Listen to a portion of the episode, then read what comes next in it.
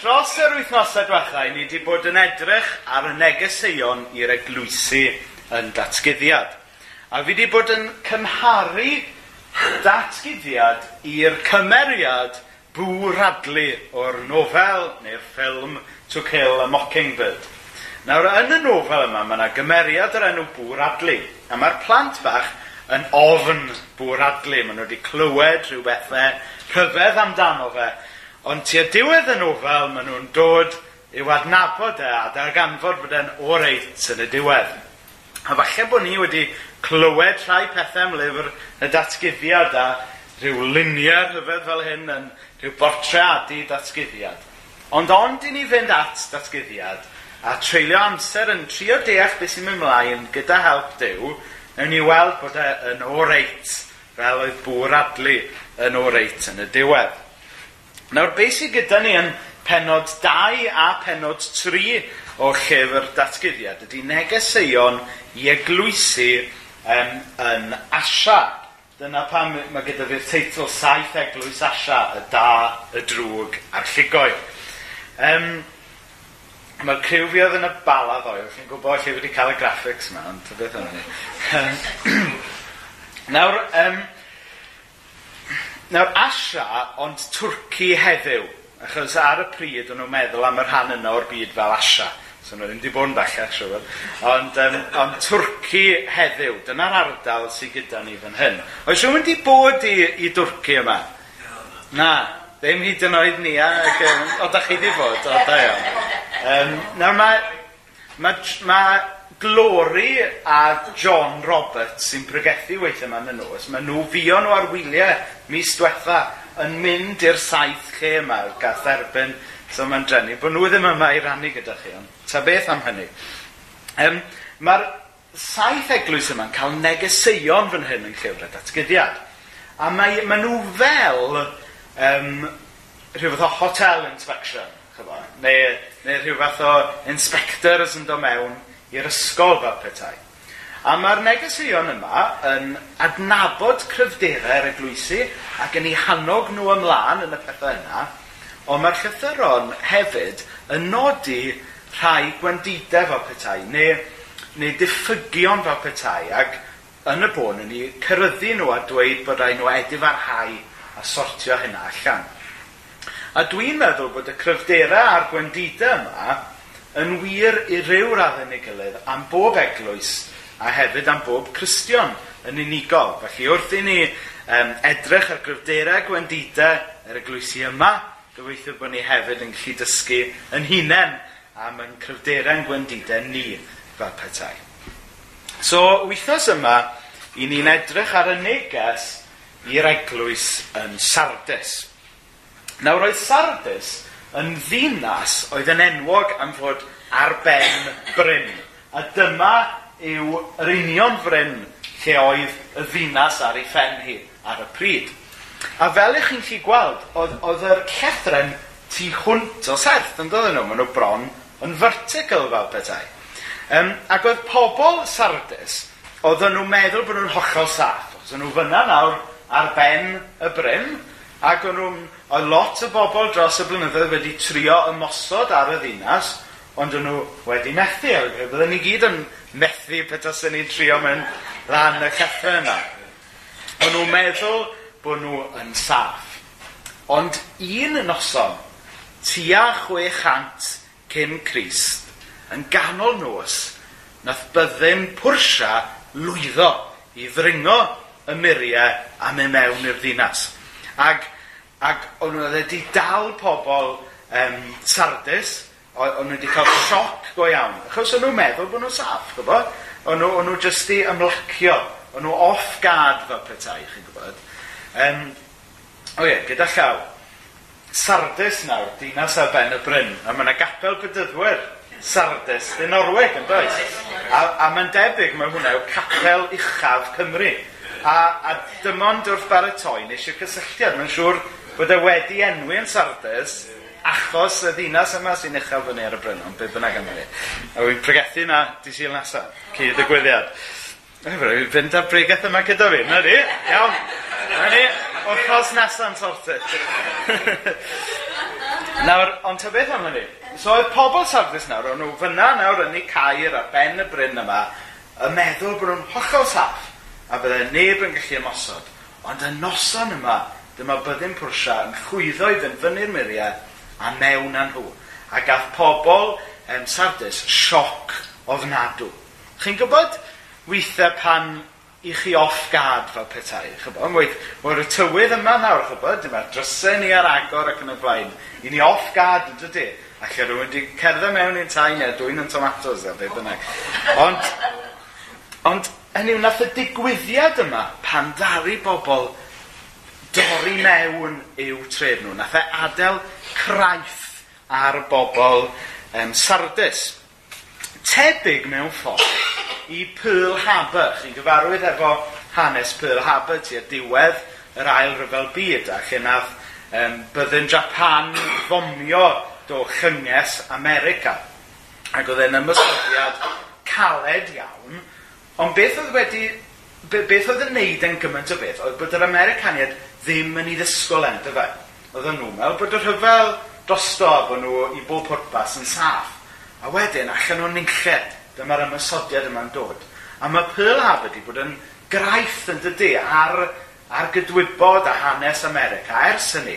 A mi oedd y digwyddiad yma wedi aros yng nghof pobl Sardis. O'r dydd yna ymlaen, oedden nhw'n gwybod i beidio cymryd i diogelwch yn chyffrednol, ac nhw'n gwybod i beidio gorffwys ar ei rhwyfel fel petai. Ond, i ni'n deall yn yr hanes yma, bod nhw wedi mynd i orffwys ar ei rhwyfau yn eu perthynas nhw gyda Dyw. Nawr, ni'n darllen fan hyn, yr bet yn y coch. Gwn am dy weithredoi, a bod gennyt enw dy fod yn fyw er mai marw y dwyt bydd effro a chryfhar hyn sydd ar ôl gennet. Felly mi oedd enw da gan Grisnogion Sardis am fod yn bobl ar un pryd oedd yn dilyn dew, oedd yn frwd o ddilyn dew.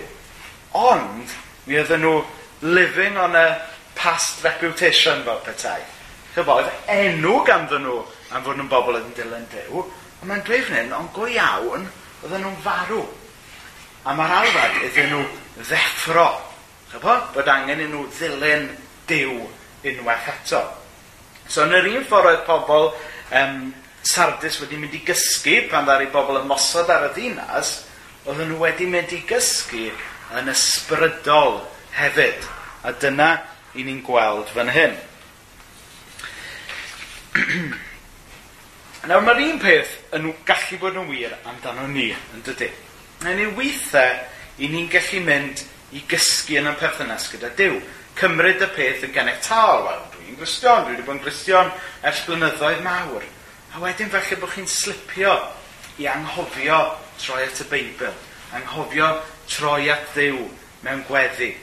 Bod chi falle ar yr wyneb pan ti'n ni gyda'n gilydd fan hyn, bod ni'n actif o'r Cresnogion bach da. Ond ti mewn, falle bod ni wedi mynd i gysgu yn ysbrydol. Wel, mae eisiau ni ddeffro. Mae eisiau ni ddeffro yn ysbrydol a dyna oedd y neges i'r Cresnogion fan hyn. Nawr mlaen wedyn yn ail hanner adnod 2, i ni deall fan hyn. Oherwydd, ni chefais dy weithredoedd yn gyflawn yng ngolwg fy niw. Felly, beth sydd gyda ni fan hyn yw y gair bod y Cresnogion yma'n sardus – bod, nhw, bod i ffydd nhw a'u cerddediad nhw gyda Dyw ddim yn gyflawn fel petai. Yn yw falle bod yna rhai agweddau o'i bywyd nhw lle oedden nhw yn dilyn Iesu. Ond bod yna rhai agweddau eraill o'i bywyd nhw o'n nhw'n anwybyddu Iesu. Ac unwaith eto mae hwnna yn rhywbeth y gallwn ni gyd syrthio iddo fe unwaith eto. Wel, pan ni'n ni fan hyn yn y capel, mae'n ddigon hawdd pan ni'n hwmni'n gilydd i dilyn Iesu Grist, i ni gyd nawr yn nodio ac i ni'n dilyn Iesu Grist gyda'n gilydd. Ond y test yw, a fyddwn ni'n dilyn Iesu Grist bore fori, yn dyfa. Chyfo, falle bod ni er enghraifft, yn, mae'n hawdd gofalu ar ôl um, pobl i ni'n lico, ond beth am yn cariad yn gofal ni i bobl, wel, ni ddim rili really eisiau treulio amser gyda. Chi'n deall beth da fi, mae mae yna alwad i ni ddilyn Iesu ym mhob peth yr ydym ni. Nid dim ond adrannau o'n bywyd ni fel petai. Mae galw arno ni i, i fod yn gyflawn fel petai, fel Cresnogion. A nid i, jyst i fod yn Cresnogion di syl, neu, neu Cresnogion pan ni'n nghwmni Cresnogion eraill. Rydyn ni fod yn Cresnogion cyflawn fel petai. Ac o'n i'n trio mewn ffordd o'n i, i, i ni ceisio deall hwn. Nawr mae lot o, a lot o sôn am rygbi yn y briodas uh, e, ddoe a'r derbyniad. So, ni'n sôn bach am bil bildroed nawr. Ni gael bach o balans weekend yma. Nawr, mae lot o sôn yn does bod pildroedwyr yn role models i bobl ifanc dyddi e yma. Wel, os yw hwnna'n wir neu beidio, y mater i drafod, ond dyna maen nhw'n dweud yn dweud bod, na, bod pildroedwyr fod yn role models. Nawr, y chwaraewr yma Louis Suarez. Mae e'n chwarae i Lerpwl, um, fel ych chi'n gweld yn ei gris coch efo yna. Ac ar y cae, mae e'n chwip o chwaraewr. Mae e'n arbennig. Sawl, sawl gol sgoriodd e tymor yma? Dros 20 o golau, e, dwi'n meddwl, do? Dros 30, hynny yw. 39 o golau e mewn tymor. Hynny yw, chwaraewr anhygol ar y cae. Oedd yn wir chwaraewr. Ac ar rywedd, allech chi ddweud bod e'n rôl model. Mae e'n gallu dangos i ddynion ifanc sut mae chwarae pêl-droed. Ond, oddi ar y cae, mae'n stori wahanol. Um, rhyw flwyddyn yn ôl athau e mewn i drafferth am fod yn hiliol, wedyn chydig wythnosau yn ôl athau e mewn i drafferth am frathu chwaraewr arall, Felly, er i fod yn chwaraewr da ar y cae, yeah. mewn agweddau eraill o'i fywydau, dydy e ddim yn rôl model, nag yw e? Dyw e ddim yn chwaraewr cyflawn fel petai, nag yw e? Ar y chael arall, cymerwch chi nawr John Hartson, Cymro. Oddi ar y cae, mae e'n ŵr bonheddig iawn. Mae e wedi bod trwy salwch, a nawr mae e'n casglu lot o arian i ymchwil cancer, Um, a mae e'n ddyn gostynedig ac anwl iawn o ddi ar y cae. Ond ar y cae, oedd o ddim y chwaraewr gorau yn y byd. Felly, oedd e'n rhyw ddi, oedd e'n chwaraewr cryf, ond oedd e'n e ddim mor fedrus y Luis Suarez ar y cae. So, so unwaith eto, dydy, er bod e'n dda, oedd hi ar y cae, ar y cae, mm, not so good. oedd e ddim yn chwaraewr cyflawn fel petai. Nawr, chi'n deall y gymhariaeth fi'n neud fan hyn. Mae'n alwad arno ni i fod yn dilynwyr cyflawn i Iesu. Nid dim ond mewn rhai rhannau o'n bywyd ni. Chyfo, mae'n bwysig bod ni'n dilyn ac eisio Iesu ym mhob peth yr ydym ni, ym mhob peth yr ydym ni yn ei wneud. Nawr mae'r hanes yn ymlaen wedyn yn adnod tri fel hyn. Cofia felly beth a dderbyniaist ac a glywaist cadw at hynny ac edif ar ha. Os na fydd i ti ddeffro, fe ddof fel cheidr, ac ni chei wybod pa awr y dof atat. Nawr mae'r busnes yma dod fel cheidr. Nawr roedd pobl, fel yn i'n dweud, pobl Sardis yn gwybod bydd oedd e i gael rhywun i ddod gyda'r nos. Yn yw dyna pam nes i ddechrau gyda'r stori am yr ymysodiad yma gathon nhw. Maen nhw'n gwybod sut brofiad oedd e. Um, oes rhywun fan hyn wedi cael lleidr gyda'r nos? Na, hynny yw, fe gath Hazel Drian, dwr. Rhyw, o chi wedi cael lleidr gyda'r nos? A mae e'n sioc, ydy, di? mae e'n mae e, mae e i ryw raddau yn eich creithio chi am byth, dydy, mae'r cof yna fel petai. A mi oedd pobl Sardis yn nhw'n gwybod beth oedd e i gael rhywun yn dod gyda'r nos. Nawr, Yn rhyfedd iawn, er bod e'n ddelwedd negyddol ar rywydd lleidr gyda'r nos, yn y Testament Newydd mae e'n siarad yn bennaf am pryd mae Iesu Grist yn dod nôl. Hynny yw, dydy lleidr ddim yn rhoi warning i chi pryd mae e'n dod. Na, dwi'n e pan gathoch chi leidr na, nath e'n ffonio chi o siwmaid Danes? Um, Oedden gyfleis i fi alw heno? Yn anffodus, i ni ddim yn cael warning pryd mae lleidr yn dod. Ac um, Ac i ni ddim yn cael rhybydd pryd mae Iesu Grist yn dod nôl. Dyna pan bod yn bwysig yn bod ni gyd yn troi a dilyn Iesu Grist heddiw, chybod? Allwn ni ddim meddwl, wel, dwi'n fi hyn i neu heddi, hynna i neu fori, falle na i droi at Iesu Grist mewn chydig wythnosau. Na, nes i ni droi at Iesu Grist heddiw. Ac oedd angen i bobl sardus droi yn ôl at Iesu nawr. Oedden nhw methu rhoi e off, oedden nhw methu rhoi ar y back burner, Ydych nhw droi at Iesu nawr. Ond beth sy'n hyfryd am hwn yw'r gair bod yna gyfledd nhw edif ar hau. Hynny yw, ystyr edif ar hau ydy dweud sori a dod nôl. A gan i'n sôn yn ysgol sil, do'n i am dew yr ail gyfle. Hynny yw, mae'n ma, dew ni yn rhoi second chance i ni. Mae e yn fodlon maddau ni am y pethau ni wedi mesol am. A mae'n gadw i ni ddod nôl ato fe.